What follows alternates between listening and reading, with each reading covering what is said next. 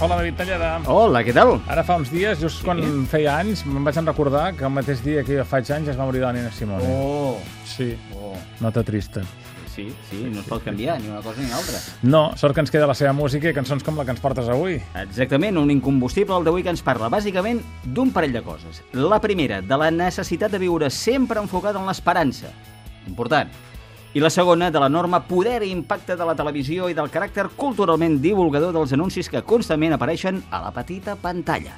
El millor exemple és aquest My Baby Just Cares For Me, eh? la peça que Nina Simone va gravar el 1958 i que no va tenir cap mena de reconeixement, especialment econòmic, fins pràcticament tres dècades més tard, concretament el 1987, que va ser quan un creatiu publicitari britànic va pensar que aquest tema era el que millor podia il·lustrar el seu anunci de perfum Chanel número 5, Xarelo. eh?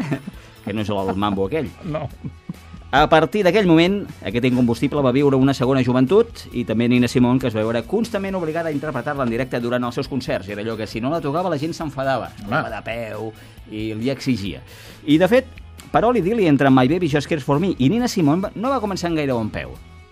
La cantant, compositora i pianista de Carolina del Nord, hem de recordar que llavors només tenia 24 anys, cap experiència professional seriosa quan va tenir l'oportunitat de gravar el seu primer disc d'estudi, que es va eh, publicar l'any 58 amb el títol de Little Girl Blue. De les 11 cançons de l'àlbum, només hi havia un tema propi que li van... Va, posa-la aquí.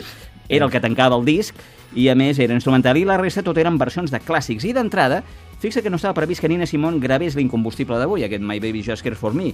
Va ser com una mena d'imposició d'última hora per part de la companyia discogràfica que volia una melodia amb un ritme molt concret, el que tenia aquella cançó. I deu ser per tot plegat, juntament amb el fet que Nina Simone aspirava a ser concertista de piano clàssic, nena, tu de, de gran què vols ser? Concertista de piano clàssic. Amb aquesta veu, eh? Exacte, amb aquesta, però en anglès. Ja. L'artista nord-americana va vendre el segell als drets de les cançons d'aquest disc a canvi de 3.000 euros, que a l'època s'ha de dir que era una quantitat important. Sí, tant. Eh? Però Simon es va acabar estirant els cabells, després es va posar una perruca, quan anys més tard aquells 3.000 euros es van convertir en més d'un milió, eh? A conseqüència dels drets d'autor. I el famós anunci de perfum, això sí, va rescatar també de l'oblit Nina Simone, tot i que llavors ja era una persona frustrada per tota la vida. La veies pel carrer i deies, mira, pobra dona, Mira, pobra, com ha acabat. com ha s'ha de acabat. veure.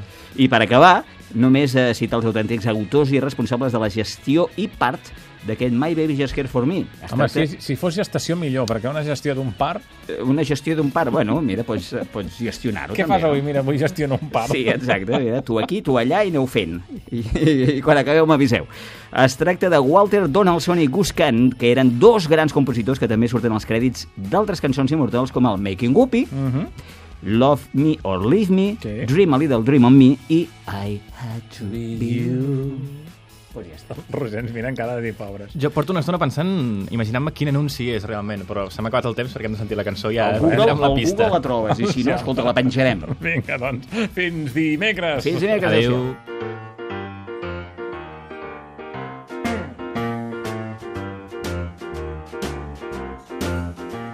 My baby don't care for shows. My baby don't care for clothes. My baby just cares for me. My baby don't care for cars and races. My baby don't care for high tone places. Liz Taylor is not his style,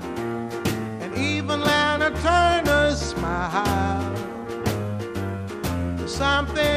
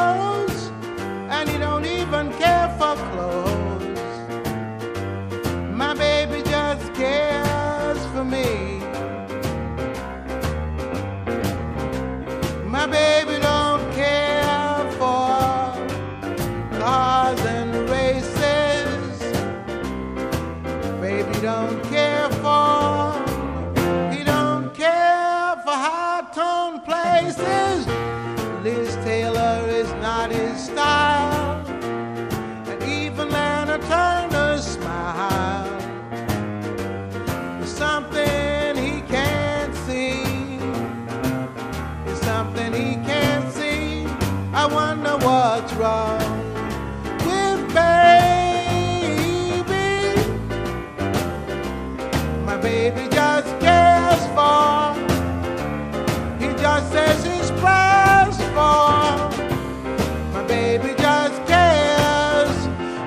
me.